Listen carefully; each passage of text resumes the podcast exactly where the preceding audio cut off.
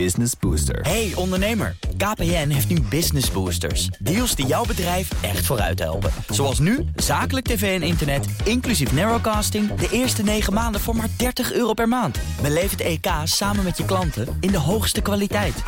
Kijk op kpn.com slash businessbooster. Business Booster. Waar we naar zitten kijken is eigenlijk de verbouwing van de wereldorde.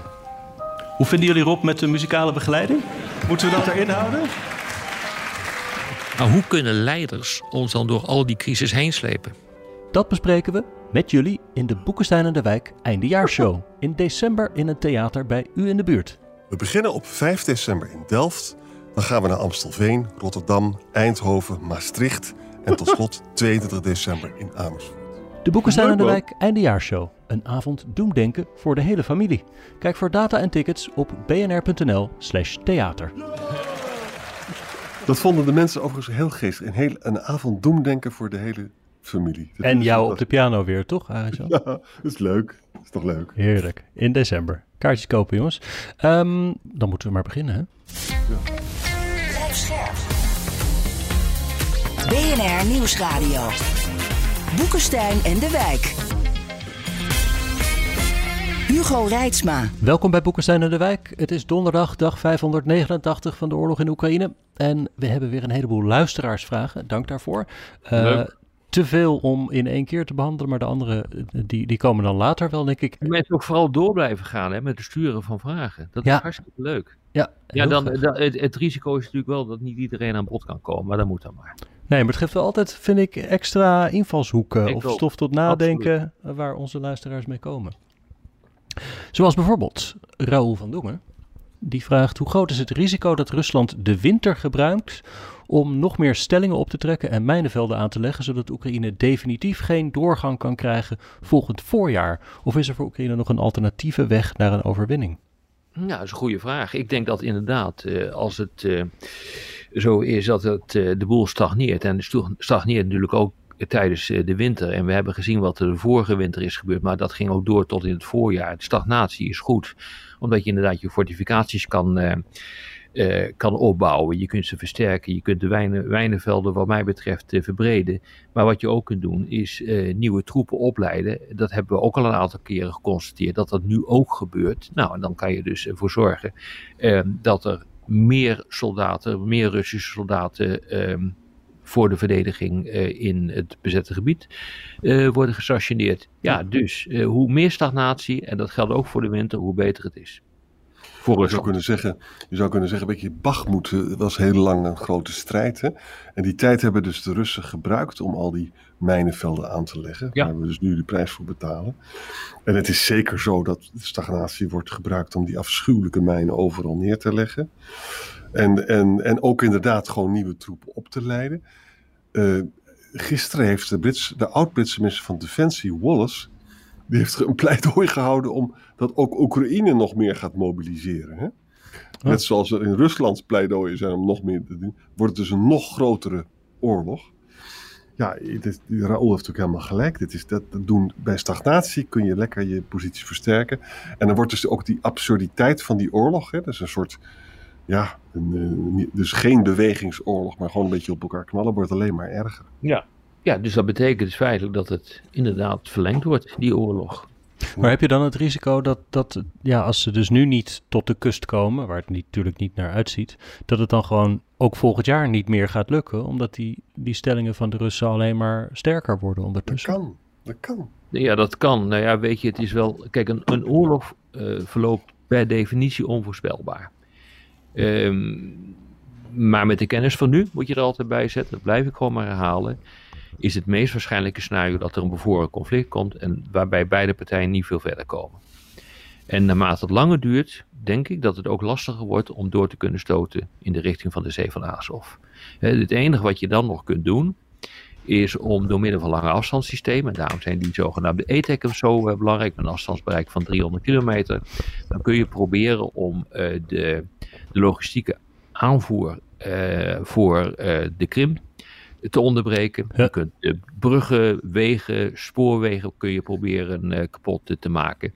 Ja, dan moet het maar op die manier eh, gebeuren. Gisteren hebben we het er ook over gehad eh, dat eh, de Oekraïners behoorlijk succesvol eh, zijn om de marine, de Russische marine, van een lijf te houden. die moeten ook naar andere havens gaan om wat minder kwetsbaar te worden. Dus het, het kan wel, maar dat betekent feitelijk dat, ja, dat vooralsnog de strijd op de grond behoorlijk vast zit en ook vast blijft zitten. Ja.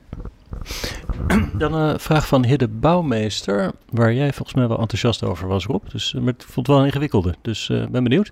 Hmm. Uh, hij vraagt waarom gaat het in de discussie over onderhandelen, wat zowel Rusland als Oekraïne niet willen, niet over hoe je één, een tweede oorlog voorkomt, en twee, dat Russische voorwaarden bedoeld zijn om te worden afgewezen. Ga je daarmee akkoord, dan zal Rusland nieuwe barrières opwerpen. Nou, ik denk dat hij daar gelijk in heeft. Kijk, in de eerste plaats kun, kan er alleen onderhandeld worden uh, als er sprake is van een, een situatie waarin beide partijen uh, bezig zijn met te constateren dat het echt absoluut zo niet verder gaat. Dat is een ja. passtelling. Die is er al, maar beide partijen denken nog steeds, nou, we kunnen nog wel eventjes doorgaan en het is, de strijd is nog niet verloren. Maar op een gegeven moment kom je erachter dat je niet veel verder komt. Nou, wat, wat we nu ook zien is dat die Russen continu allerlei eisen aan het stellen zijn.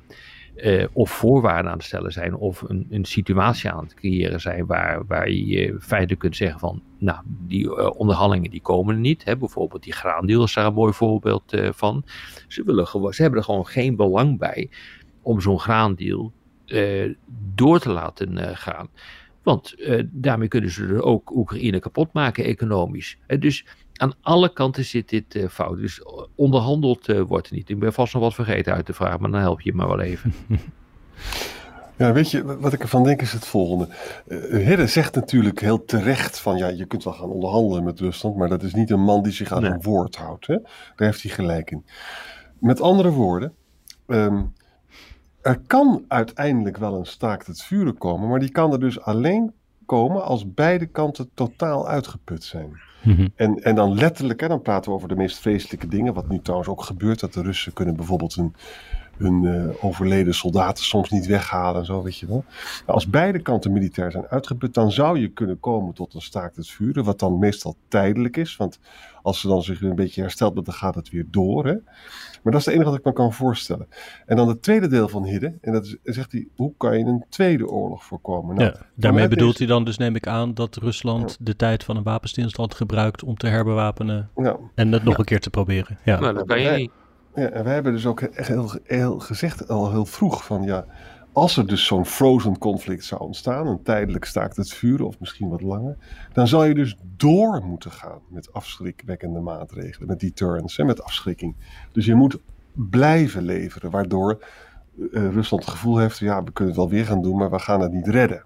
Ja, dan zou je dus een tweede oorlog zou je dan kunnen voorkomen. Ik weet, als dat de interpretatie is van uh, wat, uh, wat hij zegt, namelijk je hebt een staakt het vuren, komt niet tot een vredesakkoord en op een gegeven moment luidt het gevecht weer op, dus een tweede oorlog. Ik neem aan dat dat is wat er bedoeld is. Ja, ja. Kijk, daar hebben we het ook wel over gehad. Dat kun je voorkomen door op dat moment de Romstaat Oekraïne lid te maken van de NAVO. Mm -hmm. Dus dat moet onmiddellijk gebeuren nadat er een staakt het vuren is. Nou, kan je melden, dat kan helemaal niet. Want we leven in een democratie en dat is maar goed ook. En dat betekent dat je dus niet op uh, donderdagavond kunt bepalen, omdat er net een uh, staakt vuren is afgesloten, dat vrijdag dat land lid moet worden van uh, de NAVO. En dat dan ook de nucleaire garantie van de Amerikanen geldt voor Oekraïne om Rusland buiten de deuren te houden. In mhm. theorie zou dat kunnen, maar in de praktijk is dat totaal onmogelijk, omdat die ratificatie helemaal door al die parlementen heen moet. Dus dat gaat, hem, dat gaat hem niet worden.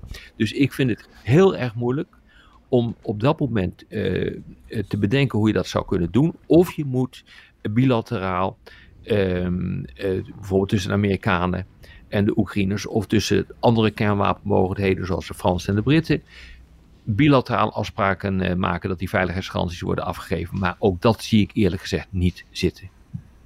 Nee, dat hebben dus de Amerikanen en de Britten wel toegezegd aan Zweden. Hè? Van, ja. voor, van, maar het is natuurlijk, dat, dat, is het grote probleem. Als je dus die veiligheidsgarantie afgeeft voor de romstaat, ja, dan kan het, het kan behoorlijk escaleren dan ook. In, in theorie doe je dat, maar het is wel een zeer hogere risicostrategie. In theorie zou dat kunnen, maar nou, of je moet, wat je ook nog kunt doen, eh, is gewoon uh, NAVO-troepen erin sturen. Dat kan ook nog. Ja, ja, dus ja. dan heb je een tripwire, dan heb Ja. je een struikeldraad. Eh, op het moment dat NAVO-soldaten sneuvelen, dan krijg je, net zoals in Europa, eh, een discussie over nucleaire garantie en de mogelijke inzet van kernwapens. En het is daarmee niet veel minder hoog risico eigenlijk. Het is super hoog risico en ik denk gewoon dat niemand dit wil eh, in Europa. Ik denk dat als er dan een keuze is van laat maar gaan en maar het beste ervan hopen en als je gelovig bent dan ga je bidden. Eh, ik denk dat dat nog een, een, een, een, een te verkiesbare optie is dan deze super high risk strategie. Ehm, behalve, dat, behalve het is echt een dilemma, hè, Rob. Want stel je voor dat je dat dus niet doet. En vervolgens reconstitueert Poetin zich en hij pakt nog een stuk. Dan is het Westen wel heel erg verzwakt. Hè? Dan ben je dus als je met alles weggekomen. En Ja. dat kan dan. Absoluut. Ja, zeker. Zeker, maar wij moeten echt, en ik heb deze keer, eh, deze week al twee keer op televisie mogen zeggen, wij moeten absoluut nadenken over een worst case scenario. Wat gaat er gebeuren? Wat gaat er gebeuren als de uitkomst niet is wat wij willen? Nou, dat heeft alles te maken met de vraag van Hidde, althans in mijn optiek.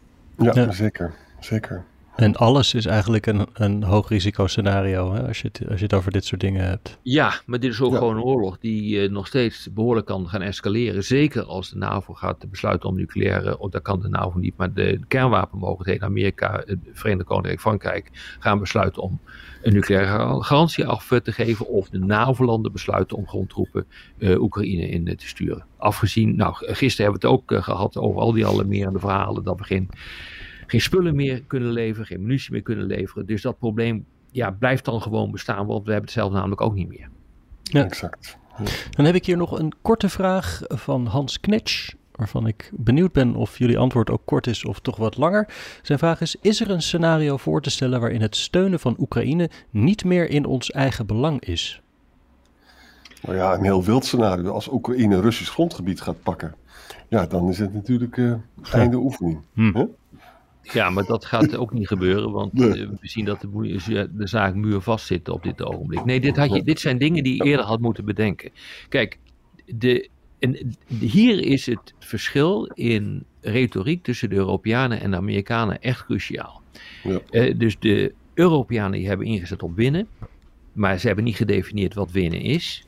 En op het moment dat je niet wint, maar dus verliest, want dat is namelijk eh, niet winnen.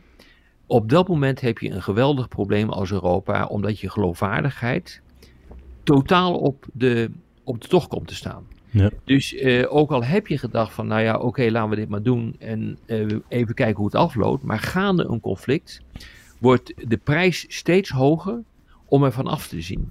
Exact. De Amerikanen hebben dat veel en veel eh, handiger aangepakt. Die hebben in, Biden heeft in mei vorig jaar in een opiniestuk gezegd van... Mhm.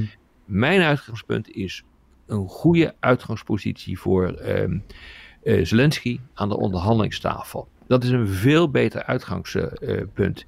Want daarmee neem je ook afstand van dat conflict. En daarmee kan je zeggen van oké, deze uitkomst is niet wat ik wil, maar we hebben er alles aan gedaan. En dat, Exact. daar, zit echt een, daar zit echt een heel groot probleem in. Dus de Amerikanen kunnen veel makkelijker afstand nemen van wat daar gebeurt dan de Europeanen. Dus echt een beginnersfout hoor van de Europeanen, moet ik zeggen. Ja, vind ik ook. Want dat betekent namelijk, kijk, als von der Leyen spreekt over winnen en zo heel lichtzinnig, dan dat betekent dat je in, in, in de theorie, maar dus ook in de praktijk een situatie kan krijgen, waarbij er dus nog een heel lange oorlog ontstaat, die ook een, een frozen conflict tot gevolg waarbij er nog veel meer doden vallen. Nou, Ja. het is de vraag of dat dus wenselijk is. hè. Dan moet je gewoon met open erover Ja. kunnen praten. Biden kan dus teruggaan. Die kan zeggen van, nou ja, wij vinden nu echt, er zijn wel genoeg mensen gestorven, je komt er niet doorheen. Ja, we gaan, je moet eigenlijk gaan praten. Nou, dat mag je in Europa niet zeggen, om allerlei redenen. Maar ik vind dat wel dat het belangrijk is. Dat je Ja, dus, altijd de- praten. dus het, het, het, het deel van de wereld, Europa, met de minste militaire capaciteiten, heeft wat dat Ja, betreft grootste troepen grootste- aangetrokken. ja, ja. En, en, en hier speelt, denk ik, de leeftijd van Biden een belangrijke rol. Want Biden snapt wat nucleaire escalatie is. Eh, Biden is een strategische denker. Die snapt hoe je militaire machten moet aanwenden. Snapt ook wat de belangen zijn van Amerika. Het belang van Amerika is absoluut geen oorlog in Europa. Omdat die dan zwakker komt te staan ten opzichte van, eh, Mhm. van China. Dus Biden die wil op een of andere manier een uitkomst waarmee die kan leven. En ook al kan Zelensky er niet mee leven, als Biden ermee kan leven, is meer dan genoeg. Ja. En hij bepaalt, hè? En meer dan bepaalt. Europa. Ja. En hij bepaalt. Dus ik ben heel benieuwd wat er nu gaat gebeuren. Gisteren hebben we een oeverloze discussie met Rio gevoerd over eh, wat er in Amerika gebeurt. Dat is echt heel erg belangrijk. Want dat is ook bepalend, denk ik, voor wat Biden gaat doen in de richting van Zelensky. Als hij denkt van dit is een gedoe waar ik niet meer uitkom met dat congres, ook over de levering van, ehm, van nieuwe steun aan Oekraïne, ja, dan moet hij op een gegeven moment iets uit, eh, uit de hoed toveren. En dat kan inderdaad iets zijn om Zelensky te gaan dwingen tot onderhandelingen. Dat zou me niet verbazen. Dat zou mij ook niet verbazen. Dus het antwoord op de vraag van Hans is ja, dat scenario is denkbaar niet voor de Europeanen. Eh, want wij hebben die grote broek aangetrokken en bovendien speelt de oorlog hier. Maar Ja. wel voor eh, de Verenigde Staten. Absoluut, ja. En, ja, dan is Dat het een is- feit. Dat is het antwoord. Nou Hans, succes met dat antwoord. dank voor de vraag en dank jullie voor de beantwoording. En tot morgen maar weer. Tot morgen. Business Booster. Hey ondernemer, KPN heeft nu Business Boosters. Deals die jouw bedrijf echt vooruit helpen. Zoals nu, zakelijk tv en internet, inclusief narrowcasting... de eerste 9 maanden voor maar 30 euro per maand. Beleef het EK samen met je klanten in de hoogste kwaliteit. Kijk op kpn.com businessbooster. Business Booster.